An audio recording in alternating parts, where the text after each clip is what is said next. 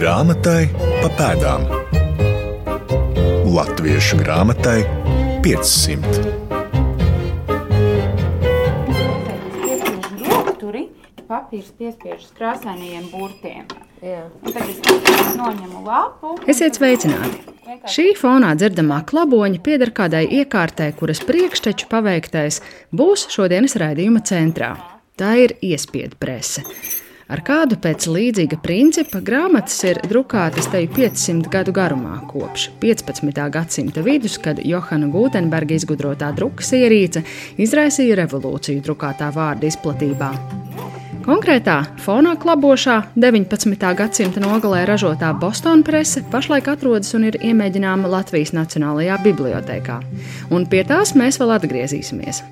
Bet sākumā dosimies uz senāku laiku, 18. gadsimtu, cauri kuram pašlaik ceļo raidījums grāmatai pa pēdām, un pētīsim grāmatu drukas attīstību šajā laikā.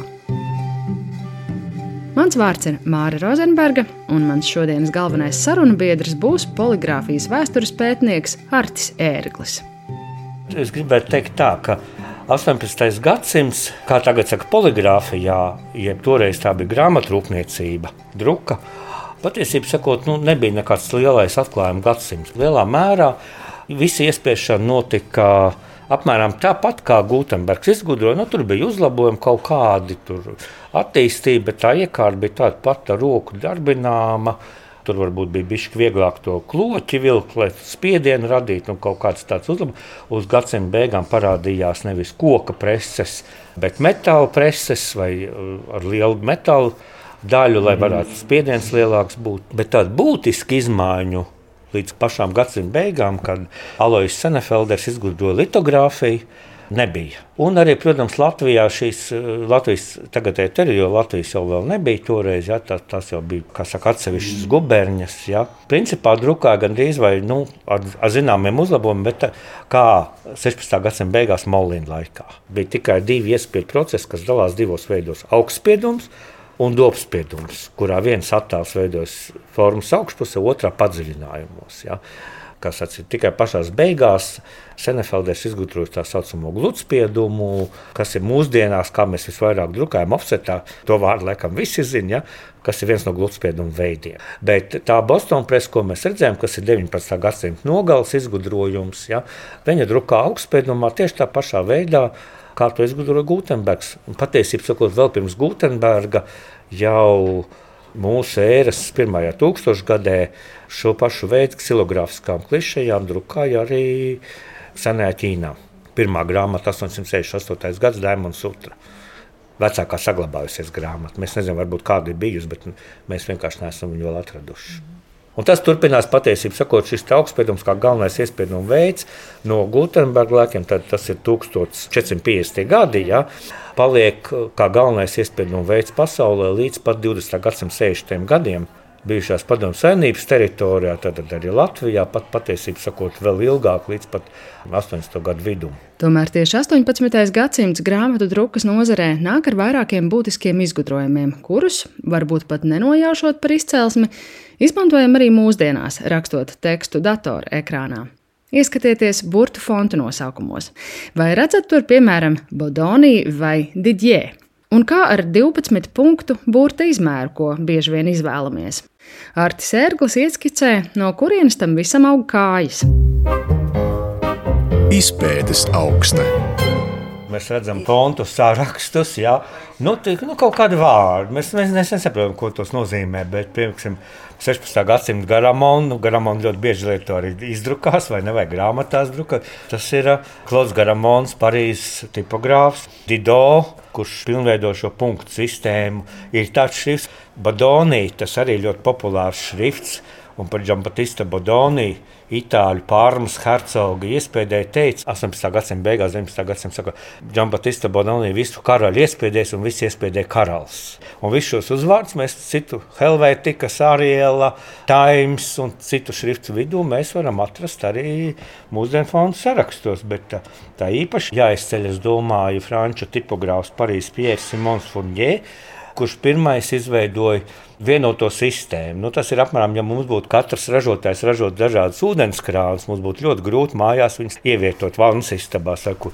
Bet tad vienā brīdī vienojās, ka viņiem ir vienāds platums, nu, tad standartizē. Un tieši to izdarīja Funģē sakarā ar šriftiem 18. gadsimta pirmajā pusē, kad viņš izveidoja šo punktu sistēmu. Un diezgan ātri visi šrifta meistari, kas taisīja Eiropā šriftus ar rokām, greba, jā, pārgājuši šo punktu sistēmu, kas patiesībā ir tik arhetipiska, ka neskatoties uz to, ka Frančijas revolūcijas laikā pārgājusi sīkā sistēma uz metru sistēmu, mūsdienās mēs dzīvojam datorā, pikseļos un citās lietās, bet punktus mēs tāpat mēram tajā Funjē izstrādātajā punktu sistēmā. 8, 10, 12, 14, 18 punktu, gribam liels 36 vai 72 punktu uzliekam. Un tas ir nāk no 18. gadsimta. Tur viņiem bija ļoti skaisti nosaukumi. Teiksim, jūs minējāt, ka tie 12 punkti. Nu, tad, nu, tas ir standarts, jā, ko tu standarts, jā, jā, jā, jā, tad teiktu, ka tas ir Cicēro. Saliksim grāmatu Cicēro. Un jebkurš tipogrāfs tajā laikā saprast, ka tas ir 12 punktu lielumā. Jā.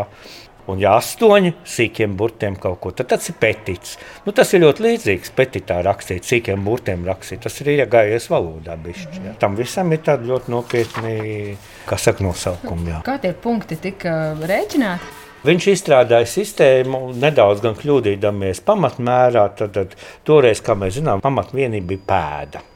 Vienā pēdā ir 12 colas, tas bija tas standarta dalījums, bet tālāk pārējot uz punktiem 144 līnijas.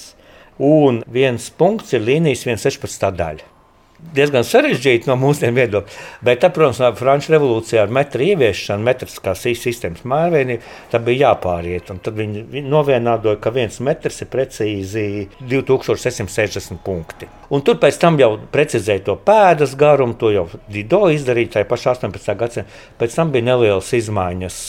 20. gadsimtā, kas kaut kādas lietas precizēja arī datorēras sākuma pusē, ja? bet tas pamats palika no 18. gadsimta pirmās puses. Mēs datoros lietojam to pašu, ko lietoja cilvēki pirms vairāk kā 200 gadiem. Ilgu laiku grāmatu izdevējus no iespiedējiem nenošķīra. Izdevēji pašsaprotami bija tie, kam piederēja spiestuves. Grāmatu iespiešanas centri 18. gadsimta Latvijas teritorijā bija divi - Rīga un Jēlgava. Taču grāmatas nevarēja drukāt kurš katrs. Tā bija valsts piešķirta privilēģija, skaidro Artis Ērglis. Un tad, ja mums jāsaskaita, tad visa gadsimta garumā mēs varam saskaitīt visus iespējas, kas darbojas Latvijas teritorijā, uz trīs roku pirkstiem - 15. Pēc tam tas ir ņemot palīdzīgā arī vidzemes, igauņu daļu, kas tajā laikā bija pie vidzemes, ja tad spēlcamā mūža vildi un tie, kas nāca pēc Vildes, Pētera Vildes. Jā, kas... Kāpēc tā bija? Ko nozīmē šis privileģētais status? Nu, tas nozīmē to, ka tirgus ir neliels, tur daudziem Rīgas rāta neļauj darboties, un lai tas iespējams varētu strādāt un, un kaut ko nopelnīt nelielu. Kaut kā savai iztikai un rātai nebūtu jāuztur. Principā jau deva sakot tam molīnu jau Zigismunds Augusts iedeva pirmo privilēģiju 16. gadsimta beigās. Ja, tad uh, Zviedrijas karalis viņu apstiprināja jau 17. gadsimta sākumā.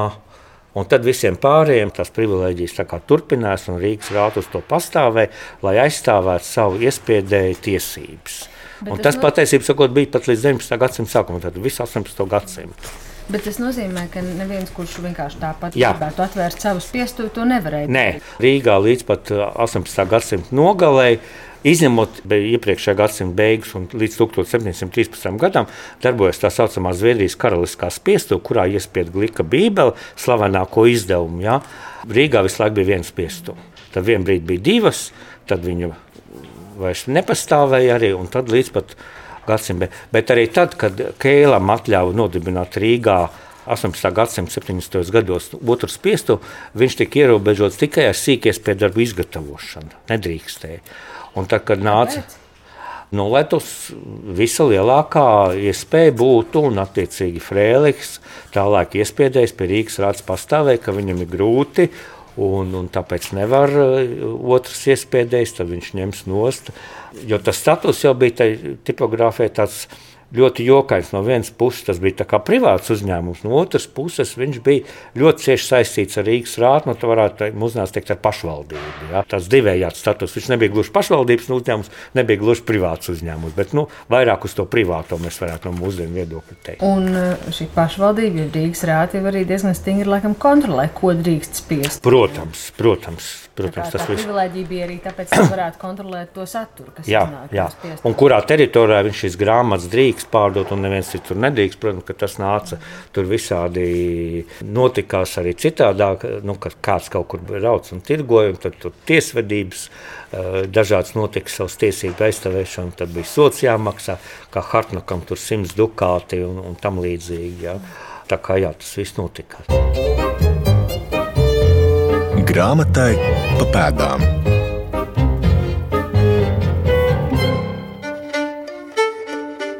Visa 18. gadsimta garumā Rīgas iespiedēja tituls bija faktiski vienas dzimtas rokās. 1713. gadā no Georga Matijasa Nellera šo rūpalu pārņem viņas nots Zāmuēlis Lorenz Frēliks, kas Rīgas spiestuvi vada apaļus 50 gadus. To manto viņa dēls un vēlāk dēls nots Julius Millers bet tieši ar Arta ērgļa, nu pat pieminēto 18. gadsimta otrās puses grāmatu izdevēju un tirgotāju Johanu Friedrichu Hartknohu, par ko šajā raidījuma ciklā stāstījām marta mēnesī, sākas pārmaiņas izpratnē par grāmatu iespiedēju un grāmatu izdevēju. Tāpēc lūdzu savam sarunbiedram precīzi paskaidrot atšķirības starp abiem.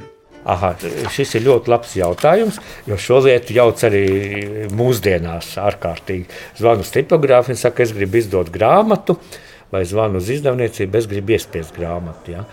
Tātad tieši 18. gadsimts Latvijas teritorijā ir kas mainīja šo statusu. Līdz pat gadsimta beigām, principā, tipogrāfs iespiedējis lielā mērā bija arī izdevējs. Tad netika dalīts. Tas bija Eiropā. Eiropā šī sadalīšanās daļēji sākās arī ātrāk, bet lielākoties arī tos tipogrāfus, kas iespēja darbus, uzskatīja par izdevējiem. Un tādi bija arī, protams, jau man minētie visi Rīgas tipogrāfi, arī Jālgaus tipogrāfi, par kuriem mēs vēl parunāsim. Ja? Bet pašā gadsimta beigās arī Latvijā šis sadalījās, jo Latvijā sāk darboties Hartnuhi Viņi vēlējās Rīgā dibināt arī savu tipogrāfiju, lai drukātu savas grāmatas. Rīgas rāta to neatļāva. Hartnoka laikā tipogrāfs bija Rīgā Millers, kurš izpildīja pasūtījumu. Nu, viņš arī bija izdevējs atsevišķiem darbiem, ja? bet Hartnoks vairs nebija tipogrāfs. Viņš bija tikai un vienīgi izdevējs. Gan viņš, gan viņa dēls. Ja, 18. gadsimta beigās viņi bija tikai izdevēji, un viņi pasūtīja savus darbus pie citiem iespiedējiem gan Rīgā, gan Jālgavā pie Stefana Gāga, gan, gan Berlīnē, gan Leipzigā. Ja, ja tā skatās tā, tad varētu teikt tā, tipogrāfija, poligrāfisti, viņi tā kā fabrika, kas taisa grāmatu, izgatavo, drukā. Izdevējs ir kā producents. Viņš iegulda zināmas līdzekļus, atrod, viņš konstatē, ka šis būs labs darbs, es to labi nopelnīšu. Tā ir tā, varbūt tā, tā lielākā atšķirība. Ja? Un tieši 18. gadsimta nogalē Latvijā te, šīs te abas funkcijas sadalījās nu, šajā gadījumā Millera un Hartnoka personās. Ja. Līdzīgi notika arī Jēlgavā, kur 18. gadsimta otrajā pusē darbojās grāmatcējs un izdevējs Richters. Viņš, piemēram, izdeva Stendera jauks pasakas un stāstus, ko drukāja Stefenhāgenes piestuvē. Taču Richteram nebija Hartknoha vēriena. Un par Jāgaunas grāmatniecības galveno vārdu 18. gadsimta nogalē kļūst Johans Friedrichs Stefenhāgens, kurš pārņem iepriekš panīkušo un sava priekšgājēja Kristiāna Lītkas atdzīvināto Jāgaunas spiestuvi. 1761. gadā pēc Kesternāvas tika uzaicināts no Viļņas tāds izpēdējs Kristiāns Lītka, un ar viņu sākas Jāgaunas tipogrāfijas uzplaukuma soļi, varētu teikt. Viņš no Harcoga dabūja finansējumu, iegādājas jaunas mašīnas, jaunas burtus, jaunas ornamentu materiālu. Ja? Viņš pat panāk sev privilēģiju iespiest abeces, nu, tādas lietas, kuras vajag visu laiku, jo skolās ir jāmācās katehisms, kalendārs, kas bija ļoti populārs un, un ļoti naudīgs, dziesmu grāmatas un tā tālāk. Ja? Tad līdz kas spiestu var tikai kāds 8, 9 gadus, un tad viņu nomaina Jo, jā, Johans Friedrichs Stefenhāgens. Un ar to sākas Jālgājas tipogrāfija kļūst par lielāko Baltijā un pārspēja visas citas. Arī Stefenhāgena impērijai pavasarī veltījām atsevišķu raidījumu ciklā grāmatai pa pēdām, un toreiz sarunājāmies arī ar literatūras zinātnieku Paulu Dāju, kurš līdzās citām Stefenhāgena izdevniecības grāmatām uz sarunu bija paņēmis arī Stefenhāgenu, kā tagad teiktu, reklāmas katalogu. Artefakta gaismā. Šeit ir viņiešu paraugi un teksta paraugi, kuriem varētu iekārdināt eh, potenciālos pasūtītājus, kas vēlas kaut ko iespiest. À, visā, tas ir, tas ir viņa katalogs, kā mēs varam ja, tātad, kādos fontos mēs ar, rakstām. Ar fontiem un, un vi, viņetēm. Cik interesanti. Jā, šeit tad, um, acīm redzot, tik viens varēja atrast kaut ko sev piemērotu. Un jāatceras, ka tas bija arī ļoti interesants laiks. Tas bija rokoko laikmets, baroks bija palicis pagātnē. Līdz ar to tas, ko mēs šeit redzam, ir tas, ka vairs nav to smagnējo formu, un visa lapuse nav aizpildīta ar ornamentiem, bet viņas kļūst vieglākas, varbūt arī laika biedri ieskatā elegantākas. Tā atkal ir viena Stefenhāgenam raksturīga iezīme, ka viņš ļoti lielu uzmanību pievērsa mākslinieciskajam noformējumam. Un to jau mēs redzam arī pēc šī reklāmas kataloga. Bet domājot par Stefenhāgena izdevniecības vērienu tieši šodienas raidījuma kontekstā, es mēģinu iztēloties, kā varēja izskatīties 18. gadsimta spiestuve, kas klientiem spēja piedāvāt tādu klāstu ar dažādiem burtiem un viņietēm. Par to turpinām sarunu ar poligrāfijas vēsturnieku Arti Ērgli. Nu, rēķiniet, tagad mēs datorā ļoti vienkārši mums ir teksts salikts 12 punktos. Mēs viņu ar kontrolu A vai citu komandu iezīmējam un uztaisām 18 punktus un drukājam. Toreiz, vai fontu nomainām. Jā, vai fontu nomainām. Tas ir viens burtiski pāris pirkstiem un dažās sekundēs. Mm. Toreiz uh, katram burbuļu lielumam, katram šriftam, katram fontam, kā mūsdienās varētu teikt, ir ieviests termins burbuļveidols. Katram bija jābūt attiecīgam burbuļu komplektam. Tad, tad pēc tam rēķiniet no katra komplekta nevis pa vienam burtam, bet mums vajadzēja ļoti daudz āburtus. Daudz e-burtus, s-burtus, t-burtus, nu, ma daudz mazāk, teiksim, zēve. Nē, vienkārši viņi ir valodā daudz vairāk. Jā, jā. Tur jau ir ļoti ārkārtīgi liela sistēma. Mums taču ir ļoti daudz abu-burtu, teiksim, un s-burtu latviešu valodā. Ir kaut kāda burta, kurus vajadzēja daudz mazāk. Ja, un, un tā. Tie materiāli, kas bija tonnām, tonnām mērām svars, kas bija tik uzglabāts noliktavās. Tā kā viņš nodila viņu pārkausēja, veda jaunu, jo patiesībā sakot, eh, burtlietos Latvijā uz vietas radās tikai 19. gadsimta otrajā pusē, kad sāk burtus taisīt uz vietas Latvijā. Līdz tam burtus pasūtīja arī pēc tādiem pašiem katalogiem, kas bija tipogrāfam. Jālgaus tipogrāfē vai Rīgas. Viņš zināja, kāds tur tā ir Leipzigā vai Berlīnē vai kaut kur citur. Un tad viņš pasūtīja attiecīgi daudzumu burtu. Nu, ar kuģiem un ar zirdziņiem viņiem atved viņus. Un vai kaut kas no tā visa šobrīd ir no šīm tehnoloģijām apskatāms te Latvijā? No tā gadsimta praktiski nekas. Mēs redzam tikai darba gala rezultātus, tas ir šos iespēju darbus. Un no tiem mēs varam secināt, kāds uh, materiāls bija, cik viņš bija kvalitatīvs, cik viņš bija uh, nolietojies. Jo visu laiku zem spiediena burtu drukājot, pat svinu burtu viņš ir lēti nolietojies. Svins ir diezgan mīksts materiāls. Un tad Mēs redzam, ka nu, tas iespējams kļūst ar vien vājāks, vājāks un tam līdzīgs no grāmatas uz grāmatu. Teiksim, zinot, kurā gadā katra grāmata iznāca, mēs saprotam, ka iespējams nebija īpaši liela rocība. Viņš nevarēja nomainīt, vai arī viņš bija ļoti skops. Un viņš nemainīja šo burbuļu materiālu un lietoja tik ilgi, kamēr nu, līdz pēdējiem. Ja. Bet kur tas viss tagad ir palicis? Un... Jā, ļoti bija tāds vācu domātājs, uh, Starp citu, 18. gadsimta beigās, 19. gadsimtā Lichtenbergs, kurš teica, vairāk par visu pasaules zeltu pasauli izmainīs svins, un vairāk par svinu lodēs pasauli izmainīs svins burtenēs. Ja, tad, tad burtu, no kuriem lika tekstus grāmatās, viens burtenēs. Tas ļoti skaists teiciens. Bet tas parāda arī to, to lielo problēmu. Sākas karš, Un, protams, ka valdniekiem vajag šo svinu priekšlodēm, un tad ņem no tos burbuļu materiālus, veda prom un, un pārkausēja.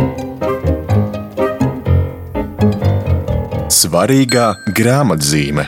Tas princips ir tāds, ka šeit ir tāds rāmītis, metāla, kuru mēs varam izņemt laukā, un viņā mēs varam salikt tekstus. Poguļu rakstā, re, kur ir burbuļu paraugi Tad saliek tekstu spoguļu rakstā un tas saslēdz visu tajā rāmī. Un, un tad pretī Un liek tad rāmi, papīru, ja? jā, tas saliek papīru un papīram ir arī, manuprāt, Un tagad atgriezīsimies pie raidījuma sākumā pieminētās Bostonas preses. Latvijas Nacionālajā bibliotēkā esošā iekārta ir tuvākā radiniece 18. gadsimta iespiedu mašīnām, ko pie mums varam apskatīt. Un arī šodien iejusties burtliča darbā. To demonstrē bibliotēkas muzeja pedagoģe Laura Pole. Es pielieku krāsu un izrullēju pa plati ruļļiem krāsu. Un tad es laižu lejā un ruļļi nokrāso to burtu virsmu. Ikdienā mēs eh, bērniem arī ļaujam darboties. Princips ir tāds, ka sākumā mēs izstāstām vēsturi, no kā nāk augstspiedums, ka tas nāk no tekstu, no grāmatu drukas, eh, izstāstām principu par to zīmogu, ka tas ir augstspiedums. Un uh, tad piedāvājam grafikas darbnīcas, kur ir vai nu strādājam uz šīs preses, vai ar roku, vai ar zīmogiem. To pašu principu, ko izgudroja tātad Gutenbergs grāmatas veidojot, tad uh, izmantojam ikdienā arī šeit. Hmm. Un galvenais ir beigās nodarbības, lai tie bērni saprot, ka tas princips, ko izgudroja Gutenbergs, viņi tikko paši mēģināja un saprata, kā tas darbojas, kas ir tas, kas atspiežās, kas neatspiežās. Šādas iekārtas sāka ražot 19. gadsimta vidū Bostonā. No tā arī nosaukums Bostonas presa. Bet Latvijas Nacionālajā bibliotekā apskatāmā nelielā, bet savus 400 kg smagā presa ražota 19. gadsimta nogalē Leipzigā. Uz tās gan nedrukāja grāmatas, bet sīkākus iespiedu darbus, tomēr darbības princips ir tāds pats. Interesants ir arī Nacionālās bibliotekas pētniecības un interpretācijas centra vadītājas Maijas Trēles stāsts, kā šī iekārta nonāca bibliotekas rīcībā. Viņu papildina arī Laura Pole. Tad, kad mēs veidojām pastāvīgo ekspozīciju grāmatu Latvijā, tad mums bija skaidrs arī, ka mēs vēlamies nu, tādu aktīvu papildu pasākumu programmu, nu, kas būtu dažādi gan skolēniem, gan nu, dažādām auditorijām. Un viena no tādām lietām, kas likās nu, ļoti saistīta ar šo grāmatniecības vēstures tēmu, ir, protams, arī iespiešana. Tad mums vajadzēja atrast uh, atbilstošu tehniku, nu, lai to varētu darīt. Kara muzejā glabājās šī iespiedu prese, kas bija tikusi izmantota nelegālās preses muzejā, bet nu, tas bija tāds padomju muzejs. Līdz ar to šī presa stāvēja vairāk tāda, nu vienkārši viņa tika glabāta, bet netika ne, ne eksponēta, nekā citādi izmantota. Līdz ar to muzejs bija ar mieru mums to uzticēt tādā ilgstošā lietošanā, bet bija jāveic nopietni restaurācijas darbi jo nu, presa nebija iespiesta gatavībā.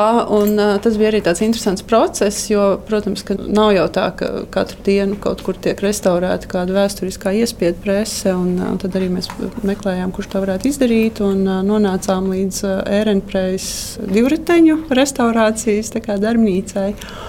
Un, uh, un tad tur arī šis te, uh, darbs tika veikts. Tas bija ļoti interesants arī uh, viņu meistariem, jo viņi arī to darīja pirmo reizi. Daudz izpētīja arī par šīm iespiedu presēm un sagatavoja mums veselu arī tādu manuāli tieši par šo presi. Tur var arī apstīties gan bildes pirms, gan bildes pēc. Un, nu, tā arī šī iespiedu presa tiek faktiski ir pie mums Virtaks klasē, kas ir mūsu mācību telpa. Nu, jau sanāk no 17. gada sākuma, no 6 gadus. Tā, tad, jā. Mēs parasti skolēniem izrunājam, kā tagad tiek kas drukāts, un kā mājās drukā, un kā skolā. Un kad es stāstu, ka šādi agrāk nebija elektrība un tādas iespējas un printeri, kad, kad šādi drukāja, un tas viss ir tāds wow. Un tad mēs runājam par to, ka ja šai presē ir pāris simts gadi, kas notiks ar printeriem, kas ir mūsdienās, vai kāds varēs ieslēgt pēc simts gadiem to printeri un palaist, un vai šo varēs pēc simts gadiem. Ja kāds mācīs burtu salikt, tad jau varēs. Ar to arī izskan raidījums grāmatai pa pēdām Latviešu grāmatai 500. Paldies maniem sarunbiedriem, poligrāfijas vēsturniekam Artim Ērglim, Maijai Trēlai, Laurai Polai un arī Paulam Dājam no Latvijas Nacionālās bibliotēkas, kas kopā ar Latvijas Universitātes akadēmisko bibliotēku ir arī šī raidījuma cikla padomdevēja. Raidījumu veidoja Māra Rozenberga, producente Santa Lauga, par skaņu rūpējās Noramīts Papa.